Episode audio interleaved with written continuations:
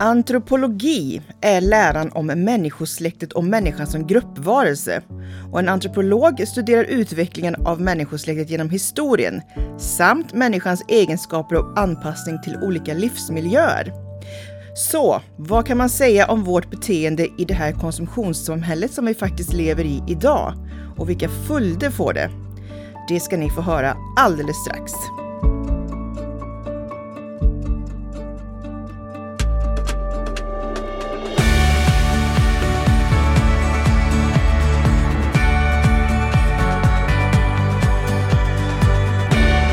Välkommen till Shoppa Lagom-podden, Katarina Graffman. Tack så mycket. Hur mår du idag? Jag mår bra. Mm. Det är lönedag. Det är lönedag, För ja. de som får lön. Just det. Men du är ju egen företagare. Ja, vi får ingen lön. Nej. Men som sagt, eh, för de som inte vet vem du är, hur skulle du presentera dig själv? Ja, jag skulle säga att jag är antropolog. Att jag jobbar med att förstå människor och den eh, samtid som vi lever i. Och hur det påverkar oss som människor. Mm. Och författare. Och författare. Och föreläsare. Och forskare. Just det. Ja, Mm. de Mång- tre F'n. Ja, de tre F, ja Mm. precis. Du är ju till och med doktor i Ja, antropologi. det är Vad eh, tycker du om den lilla introt som jag läste upp här precis? Stämmer det överens med vad, vad du tycker att det är? Ja, det tycker jag. Eh, För det handlar om att förstå hur människan och människan har utvecklats och de samhällen som människan har format. Mm. Det är ju vad antropologer gör. Och eh, sen så har ju, vi har ju haft fo- väldigt stort fokus på andra delar av världen. Eh, antropologin har ju sin grund i det. Man Mm. åkte iväg och studerade exotiska kulturer, som det kallades. Men idag är det lika vanligt att man studerar sin egen kultur. Ja, Ja, som jag gör. som du gör. Och eh, du har ju fokuserat mycket på samtiden, får man ju ändå säga. Ja. Hur kom det sig att du tyckte att konsumtion och samtiden som vi lever i är mer intressant än ja, exotiska kulturer då? Eh, Två saker. Dels var det lite praktiskt. Ehm, när jag valde, jag skrev min avhandling om um, tv-producenter. Så jag var på ett tv-produktionsbolag under nästan ett års tid. Och studerade hur man gör tv. Wow! Så antropologer jobbar ju på det sättet. Man är iväg och vi har en väldigt speciell metod. Och det är att vi är på den plats eller i det samhälle som vi vill förstå. Nå, någonting mellan ett till två år. Och det är ju så som vi liksom förstår, för vi studerar hur människor gör, inte bara frågar och ställer, liksom, ber dem säga hur de gör. Och eh, då studerade jag mediekonsumtion och sen så var liksom övergången till konsumtion ur ett större perspektiv var ganska självklar. Och jag, i och med att jag jobbar mycket med företag i, mitt, i min konsultlåda och väldigt ofta business to consumer eh, så eh, var ju det på något sätt självklart att förstå konsumtionskulturen. Mm. För att väldigt många företag och människor förstår inte hur det egentligen fungerar. Utan man har mycket idéer om, myter om och eh, egentligen föreställningar om hur det fungerar som inte stämmer. Mm. Men låt oss prata om vilka föreställningar har vi som inte stämmer och hur är det verkligheten ser ut? Ja, men om man ska förstå konsumtionskultur till att börja med så tror ju folk att konsumtion är något vi gör när vi köper någonting. Men vi konsumerar ju hela tiden andra saker också då. Ja, precis. Och framförallt så om man ska förstå samtiden som en konsumtionskultur, för det är så jag beskriver samtiden, eh, så betyder det att man förstår att hela samtidslogiken är uppbyggd kring konsumtionens eh, språk, kring eh, konsumtionen som ett system. Um, och det betyder ju att vi i alla situationer egentligen agerar utifrån konsumtionskulturens logik. Uh, Men man kan jämföra med att spela ett spel helt enkelt. För att förstå kultur kan ju vara lite konstigt. Och kultur ur ett antropologiskt begrepp är ju mer, eh, skulle jag säga, ett samhällssystem. Om du och jag ska spela Monopol så måste ju du spela efter de regler som finns. För om inte du gör det så kan ju inte jag spela med dig. Det blir ju jättetråkigt för mig. Eh, det går helt enkelt inte, även fast du kanske tycker det är jättekul. Det vet man ju inte. Men lite så är det, man föds in i en kultur och lär sig de spelreglerna. Och på samma sätt så är det ju att vara född i olika typer av kulturer. Som både kan handla om att vara svensk och lära sig de svenska spelreglerna, men det kan ju också handla om konsumtionskultur är ju inget som är specifikt svenskt. Utan den konsumtionskultur vi har skulle jag säga är ganska lik i, i de mer väst, eh, västorienterade länder. Mm. Eh, men också är en logik som sprider sig över hela världen för alla vill ha det vi har. Mm. Eh, och att spela då konsumtionskulturens spel handlar om att förstå eh, de reglerna. Mm. Och då handlar det inte bara om att när man går och köper saker och ting. Utan det är ju liksom att förstå allt mm. som vi egentligen gör. Mm. mm. Och hur tycker du att de reglerna ser ut idag? Ja, de är ju väldigt dominerande. Eh, för grundläggande för hur vi uttrycker vilka vi är gör vi ju genom konsumtion. Uh, och om vi människor uttrycker vilka vi är genom konsumtion och då gäller det inte bara kanske kläderna vi har på kroppen utan vilken utbildning vi väljer, var vi bor någonstans, hur vi transporterar oss. Alltså det inkluderar ju allt egentligen. Um, så är det ju väldigt grundläggande för hur vi blir till som människor och mm. vilken typ av relationer vi har med andra människor.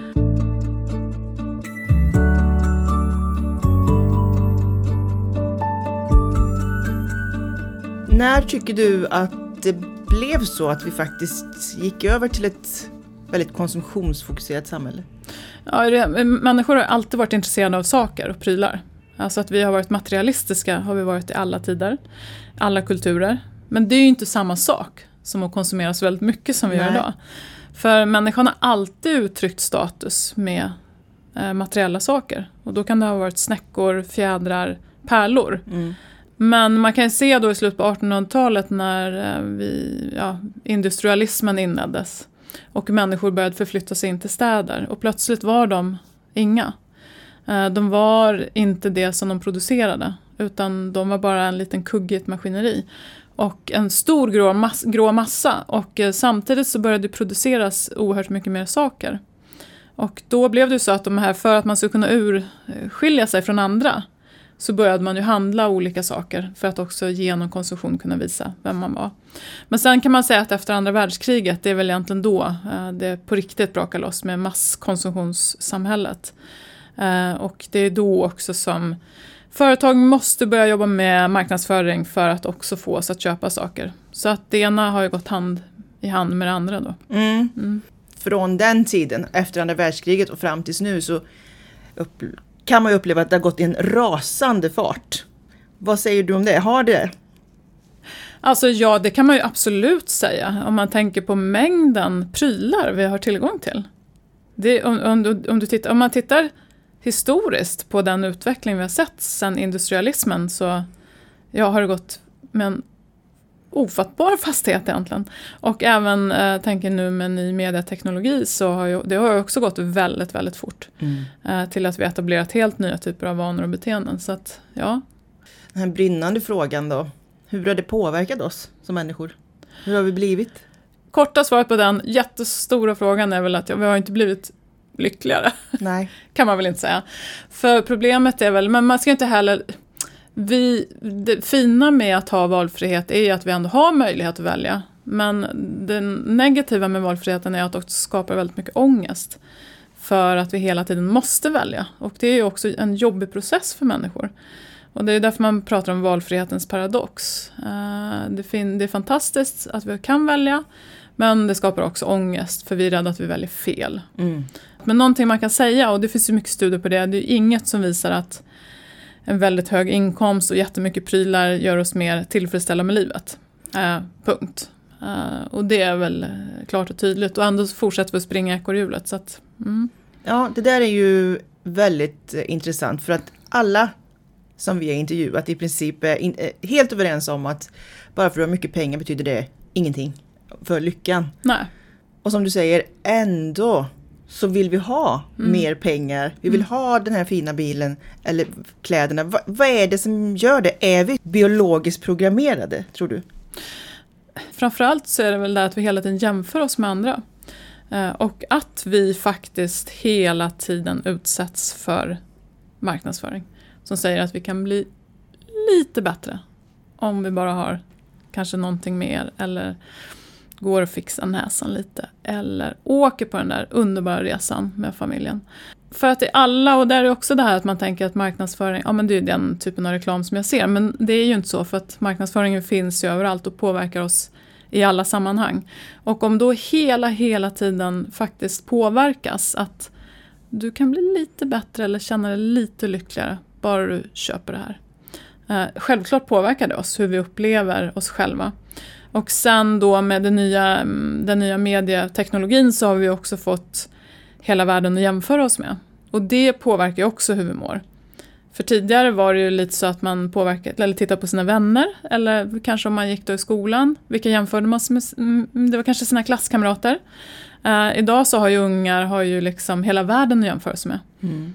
Och det påverkar oss enormt mycket skulle jag säga. När man hela tiden matas med hur andra har det. Mm. Uh, och att det är ändå en, oftast en ganska falsk bild uh, som målas upp då i sociala medier. Mm.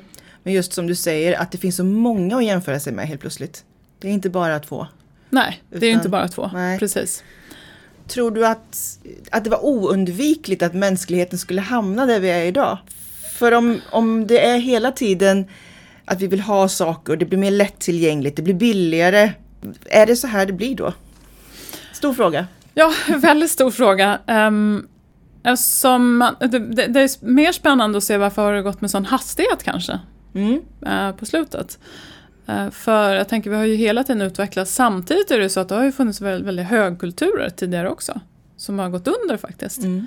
Och jag vet, det är ändå, nu är inte jag historiker, men det är många historiker som jämför det vi håller på med nu med romarrikets fall till exempel. Som faktiskt eh, man då tror, bland annat, var ju lite det att man levde i någon sorts eh, excess, överflöd liksom.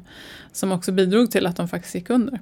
Det finns ju faktiskt högkulturer, sen har ju inte de kanske haft eh, möjligheten att bli så globala. Eh, för jag menar, vi har ju en globalisering och med digitaliseringen såklart har ju det påverkat också hastigheten i förändringen.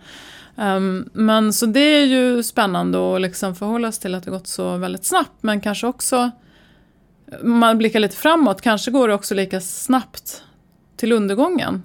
Gud vad jag lät positiv nu. Eller förhoppningsvis så kan också den eh, snabbheten i förändring också göra att eh, vi faktiskt har en möjlighet att eh, fixa till Mm. Så att det blir bättre för nästkommande generationer. Vi är ju i den perioden nu där det känns som att det är snart the point of no return vad gäller klimatet framför allt. Ändå så känns det som det inte går tillräckligt fort ändå. För det finns fortfarande det som är världsreligionen idag, det är kapitalism skulle jag vilja säga. Den verkar vara svårövervinnlig. Vad tror du? Ja. Nej, jag är, jag är realist. Får man väl säga då. Mm. För jag har en ganska dyster bild framåt. Och jag vet att det ska man ju inte ha utan man ska alltid ändå tummen upp. Lite så.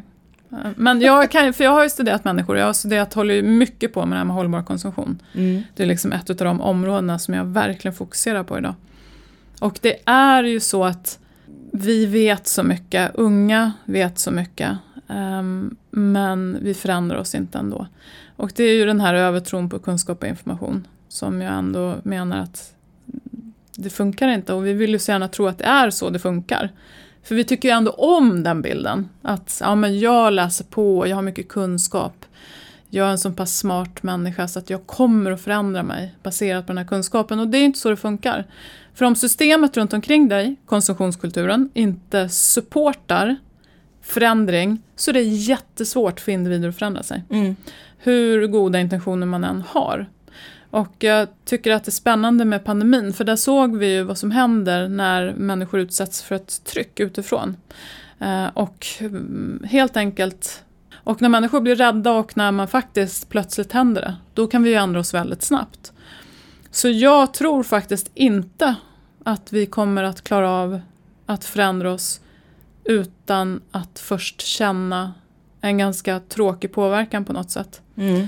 Och det var ju till exempel som när vi haft så här varmt sommaren 2018. Mm. hände ju ganska mycket med människors medvetande. Uh, för plötsligt fick man inte grilla hemma i sin trädgård. Det var ju katastrof. Då var det som att, åh, vad är det som händer? Uh, och vi är ju lite faktiskt, vi sitter ju lite bra här uppe i Norden. Uh, det gör vi geografiskt sett, mm, absolut. Mm. Och då var det väl här grilla och inte vattna sin gräsmatta som var lite katastrof. Men jag tror, kanske det första som kommer hända här uppe tror jag kommer vara att vi kommer få en ökning av klimatflyktingar. Mm. Eller något sånt. Uh, någonting som plötsligt påverkar oss och inse att oj, det är faktiskt på gång. För det kommer inte räcka med de här enstaka väderfenomenen. Utan jag tror att det kommer vara andra saker som behövs för att vi liksom plötsligt ska känna shit, det händer verkligen. Mm. Jag har funderat lite själv på det där och eh, lagar och regler. Ja, precis.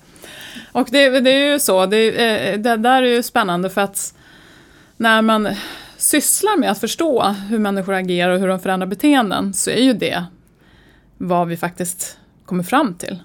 Och, men det är ju också något sånt här fruktansvärt att säga i vår tid. Som har då den här fria marknadsliberalismen, eh, att det liksom är det som är, och tron på kunskap och information. Eh, för de två hänger ihop, för då är det så att vi har det här systemet med frihet och som framförallt handlar om en frihet att välja marknadens produkter. Det är mm. det som den här friheten egentligen handlar om. Och idén om att kunskap och information förändrar. Uh, då är det ju, vi tycker ju att, och jag tycker också, tänk om det var så. Mm. Fantastiskt. Men eftersom vi vet att människor inte fungerar så. Uh, så att jag är helt övertygad om att det kommer behövas regleringar och uh, lagstiftning. Mm. Och för mig är det liksom samma sak som ja, men när man är ute och kör bil. Tänk om, folk, mm. ja, men tänk om folk fick köra lite hur de ville om vi inte hade några regler. Och det är ju så självklart. Det är liksom inte ens något vi funderar på. Uh, så att jag tror att det kommer behövas den typen. Och det handlar ju inte om att förbjuda saker. Folk får ju för sig det. Det kanske handlar om att uh, reglera marknadsföring. Uh, extremt koldioxidintensiva produkter eller upplevelser. Ja, de kanske inte ska få marknadsföra sig på det sätt som de gör. Det handlar om prisregleringar att hållbara produkter ska bli billigare eh, än kanske ohållbara produkter. Idag är det ju precis tvärtom. Så att hållbarhet idag är också en klassfråga skulle jag säga. Mm. För det är definitivt inte alla som har råd att köpa hållbar mat, ekologisk mat, som ofta är lite dyrare. För jag tycker man det liksom ofta handlar om, det blir en sån här urban medelklass som sitter och pratar om vad man ska göra och hur man ska bete sig. Och glömmer bort att för väldigt, väldigt många människor skulle jag säga att maten till exempel är kanske enda de har som de själva kan ändå påverka sina kostnader. Mm. För de flesta andra avgifter är liksom fasta. Du har fasta boendekostnader, du har kanske fasta olika typer av avgifter och, eh, och då är det billigare att köpa kanske konventionellt odlad mat. Ja. Men det ser vi bara nu. Vi sitter då en dag här där bensinpriserna i Sverige är näst högst i hela världen. Och det kanske inte är så himla jobbigt för oss som bor i city. Men de där uppe i norr, de har ju det jättetufft nu. Ja. Och där har vi ju en obalans. Det har vi verkligen. Och det tror jag, för, för om man pratar om hållbarhet och hållbarhet ur ett konsumtionsperspektiv så ska man inte glömma att det absolut viktigaste är social hållbarhet. För om vi inte har social hållbarhet, då, både i Sverige och globalt sett, så kommer vi aldrig kunna komma till en hållbarhets Eh, ett hållbart... Mm. Nej, precis. För att det... Och det, det räcker inte med att säga till människor i andra delar av världen som har strävats och vill ha det lika bra som vi har, att säga till dem att nej men sorry, det var inga, ingen bra väg att gå. Eh, det funkar inte så.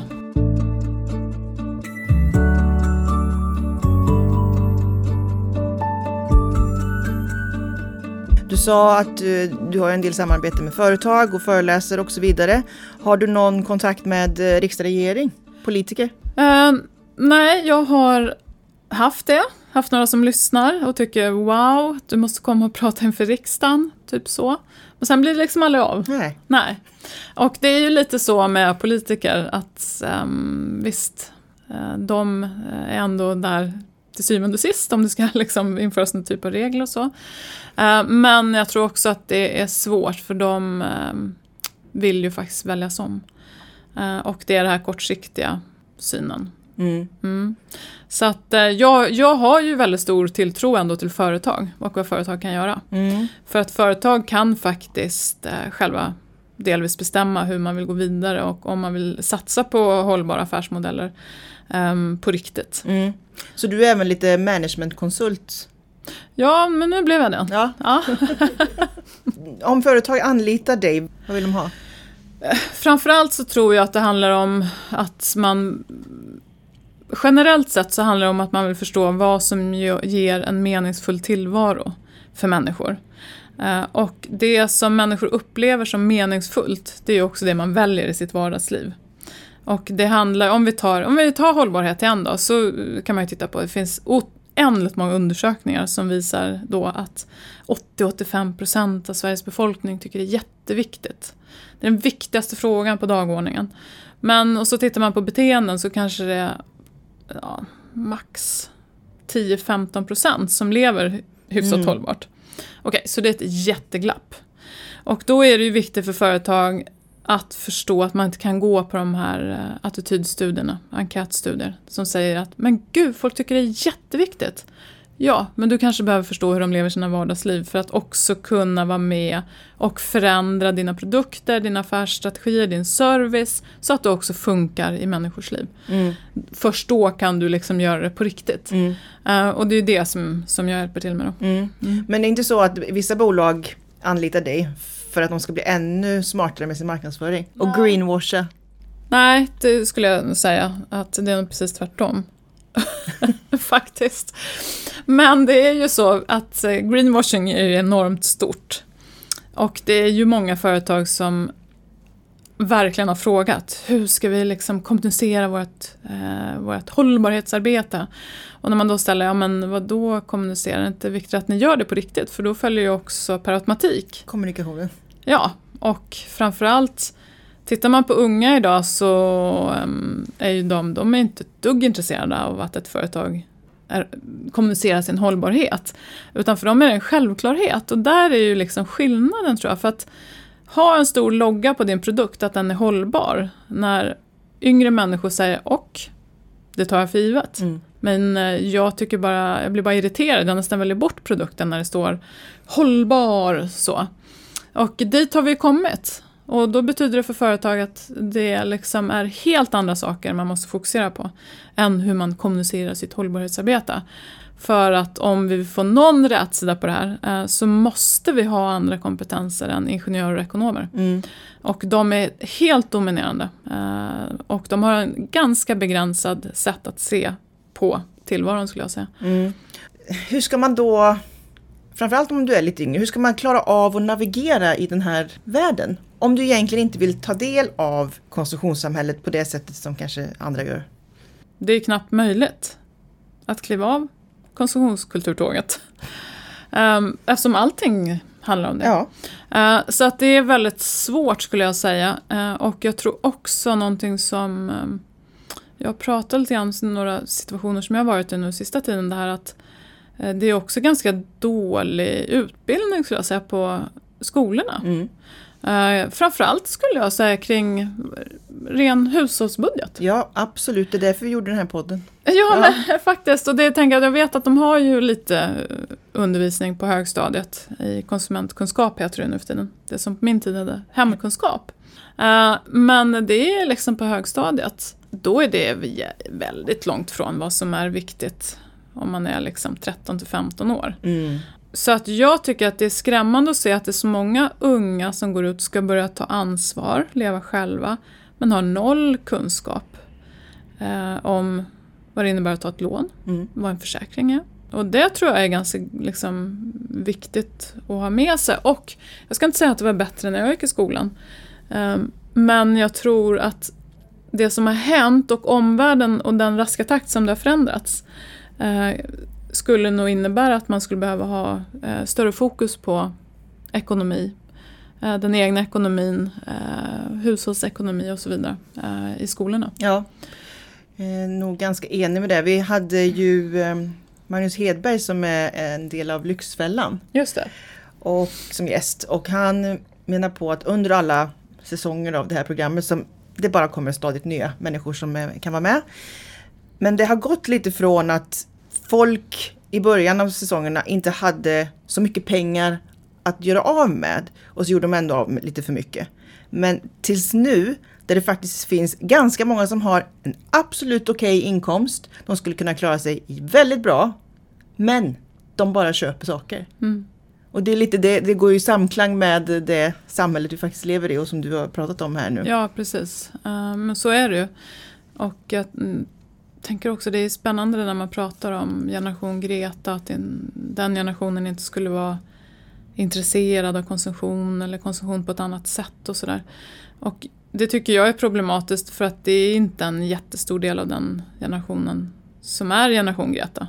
Jag skulle säga att större delen av den gruppen är faktiskt hyperkonsumenter. Eh, och det vad, innebär, vad innebär det? Ja, men det innebär att där, där är konsumtion allt utom behovsrelaterad. Det handlar bara om eh, identitet, eh, symbolik, att skapa sig själv. Liksom. Eh, och när det inte är behovsrelaterat överhuvudtaget, då är det ju lite farligt om man dessutom inte har någon ekonomi till det utan på något sätt måste finansiera det då för att det blir en del av vem man är.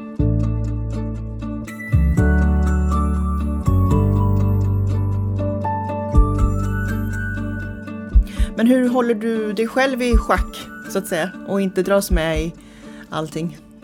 Nej men jag har nog inte, det är också en sån här fråga man alltid får. Ja. ja. och den kanske alltid kommer i den här podden.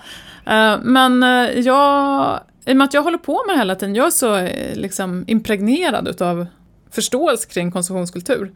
Så jag inbillar mig i alla fall att jag ganska hyfsat ser igenom och jag har inte, jag är också så gammal nu för tiden. Så att jag liksom har landat i mig själv. Jag är inte alls... Jag tror att det handlar ju jättemycket om det om du känner trygghet i dig själv. Mm. Jag stod faktiskt och glodde in i ett kylskåp på morgonen idag när jag åt min frukost och tänkte jösses, det är helt, tomt. In, det är ingen matsvinn här inte. Nej men så. Så att jag vet inte, det är liksom, jag tror att jag håller på med det här hela tiden. Och i och med att jag också är antropolog, jag tittar ju mig omkring hela tiden och eh, analyserar hur människor runt omkring mig beter sig. Mm. Så jag har ju liksom det här påslaget hela tiden så att det är ingen större konst för dig att inte konsumera så att säga? Nej, och om jag konsumerar så har jag inte, jag har inte dåligt samvete för det. För det är också det som är problemet. För att vi, eh, vi pratar ju så mycket om skam i Sverige. Mm. Konsumtionsskam och sådär. Och jag tycker att det är jätteproblematiskt. För om man tittar, till exempel så följer jag en hel del hållbarhetsinfluencers mm. på sociala medier. För att jag tycker det är spännande. Jag tycker det är spännande att se hur deras eh, sätt att uttrycka sig förändras. Eh, vad de uttrycker och på vilket sätt. Och jag har till exempel nu senaste tiden faktiskt sett att man går mer och mer från ett individfokus till vad du kan göra som individ till en systemfråga. Det är mm. superspännande.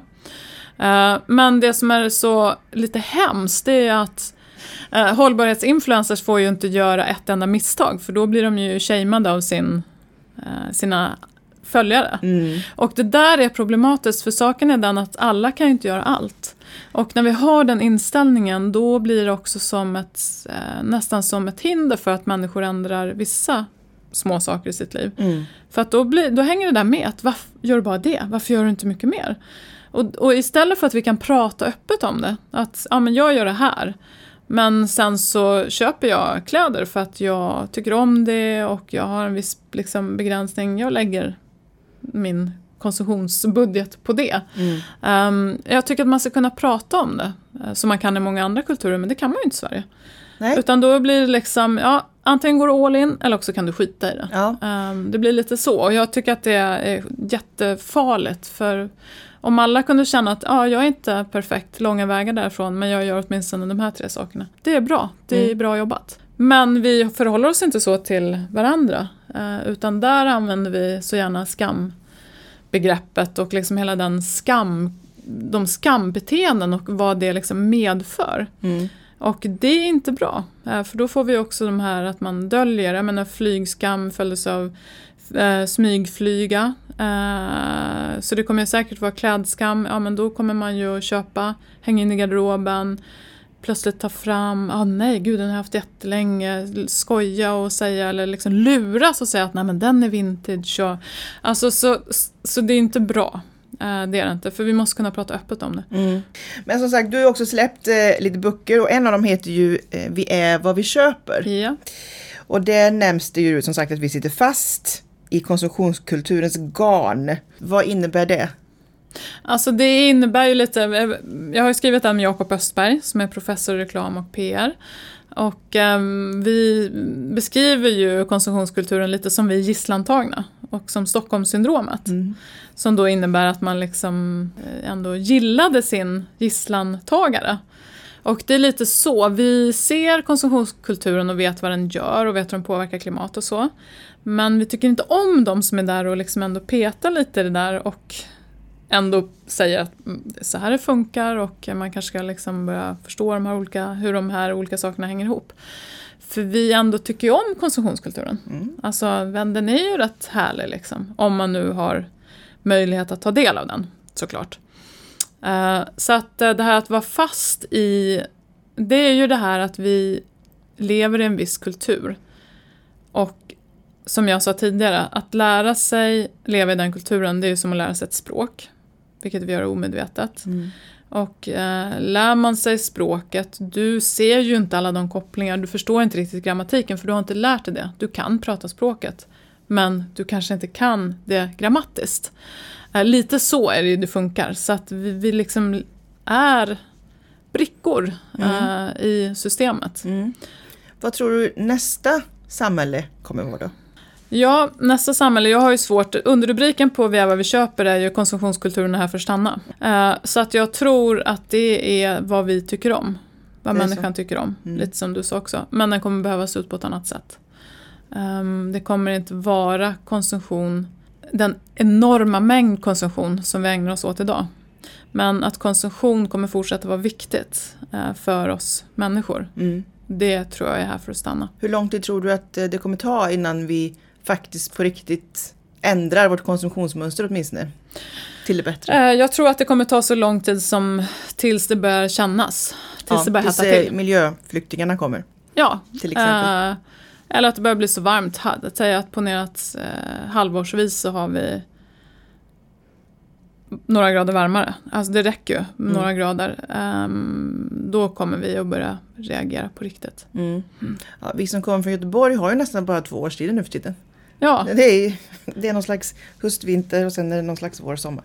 ja men exakt, Mm. precis. Så är det ju. Så att det har ju liksom redan börjat kännas. Så att eh, jag tror att det, det är det som kommer få oss att, att reagera.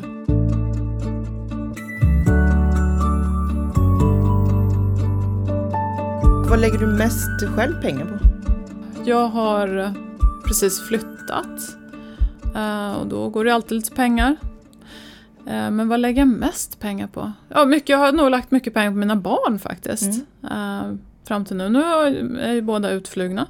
Så nu kommer det se lite annorlunda ut. Mm. Mm. Vi har ju ett initiativ eh, också som heter Pengapeppen. Som riktar sig mot föräldrar och hur de ska prata om pengar och pengars värde med sina barn. Hur har du pratat med dina barn om pengar? Eh, jag har nog varit väldigt noga med att eh, hela tiden påpeka vad saker och ting kostar. Um, sakers värde. Alltså det, det där är ju väldigt svårt vad man kommer från för bakgrund. Eh, och vad man kanske gör är också skild, vad man har för ekonomiska förutsättningar i förhållande till den andra. Eh, så att jag har nog varit väldigt noga med att påpeka eh, pengars värde och jag är ju också egenföretagare vilket såklart också påverkar. För mig är det ju, jag har ju aldrig någon trygghet i någon ekonomi. Och få dem att förstå det också, vad innebär det att vara egenföretagare? Mm. Till skillnad mot att kanske vara, ha en trygg anställning. Mm. Så det har vi nog pratat väldigt mycket om hemma. Mm. Vad har de valt för karriär då? Eh, just nu har ju båda anställning. Så vi får se. Men jag tror nog att det blir någon, någon liten egenföretagare. Eh, en eller kanske båda. Mm. Mm. Ja, tiden får utvisa. Precis. Och avslutningsvis då, vad är ditt bästa respektive sämsta köp? Oj, vad svårt. Det, och det här låter ju jättetrist om jag säger, men jag tror nog att det absolut bästa jag någonsin har gjort är faktiskt en resa till London med mina två söner. Jaha, Alltså det lät ju jättetråkigt, men det var liksom som en så här... Vi har rest en hel del eh, tidigare. Och, eh, men den resan till London var en eh, tre dagars resa, men det var fantastiskt för att båda två hade hunnit bli så pass stora. Så att, du vet, det här eh, småbråket syskon emellan var icke-existerande. Och det var första gången som jag upplevde det och det var den häftigaste resa jag har gjort med dem någon gång. Um, för att val. ha vuxna barn inom citationstecken, det är ju fantastiskt. Mm. Så det var nog mitt bästa köp. Uh, mitt sämsta kan nog ha varit något, så här, något klädesplagg tror jag, som jag sen inte har orkat byta. Mm. För man är också lite slö. Ja, vi har alla sådana plagg i garderoben. Ja, Och vill man höra mer eh, från dig så har du ju också en egen podd.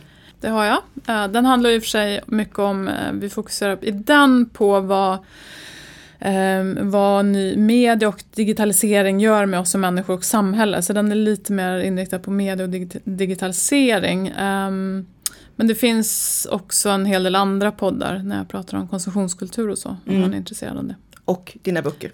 Ja. Mycket bra, men då tackar jag för att du kom hit. Det var otroligt intressant att få höra och eh, vi får väl hoppas att framtiden ser lite ljusare ut kanske än vare sig du eller jag tycker då. Ja, ja. ja mm. slutar så. Ja. ja. För fler tips, råd och verktyg om hur du hittar ditt lagom, besök shoppalagom.se. Shoppa Lagom är ett initiativ av Alectum Group.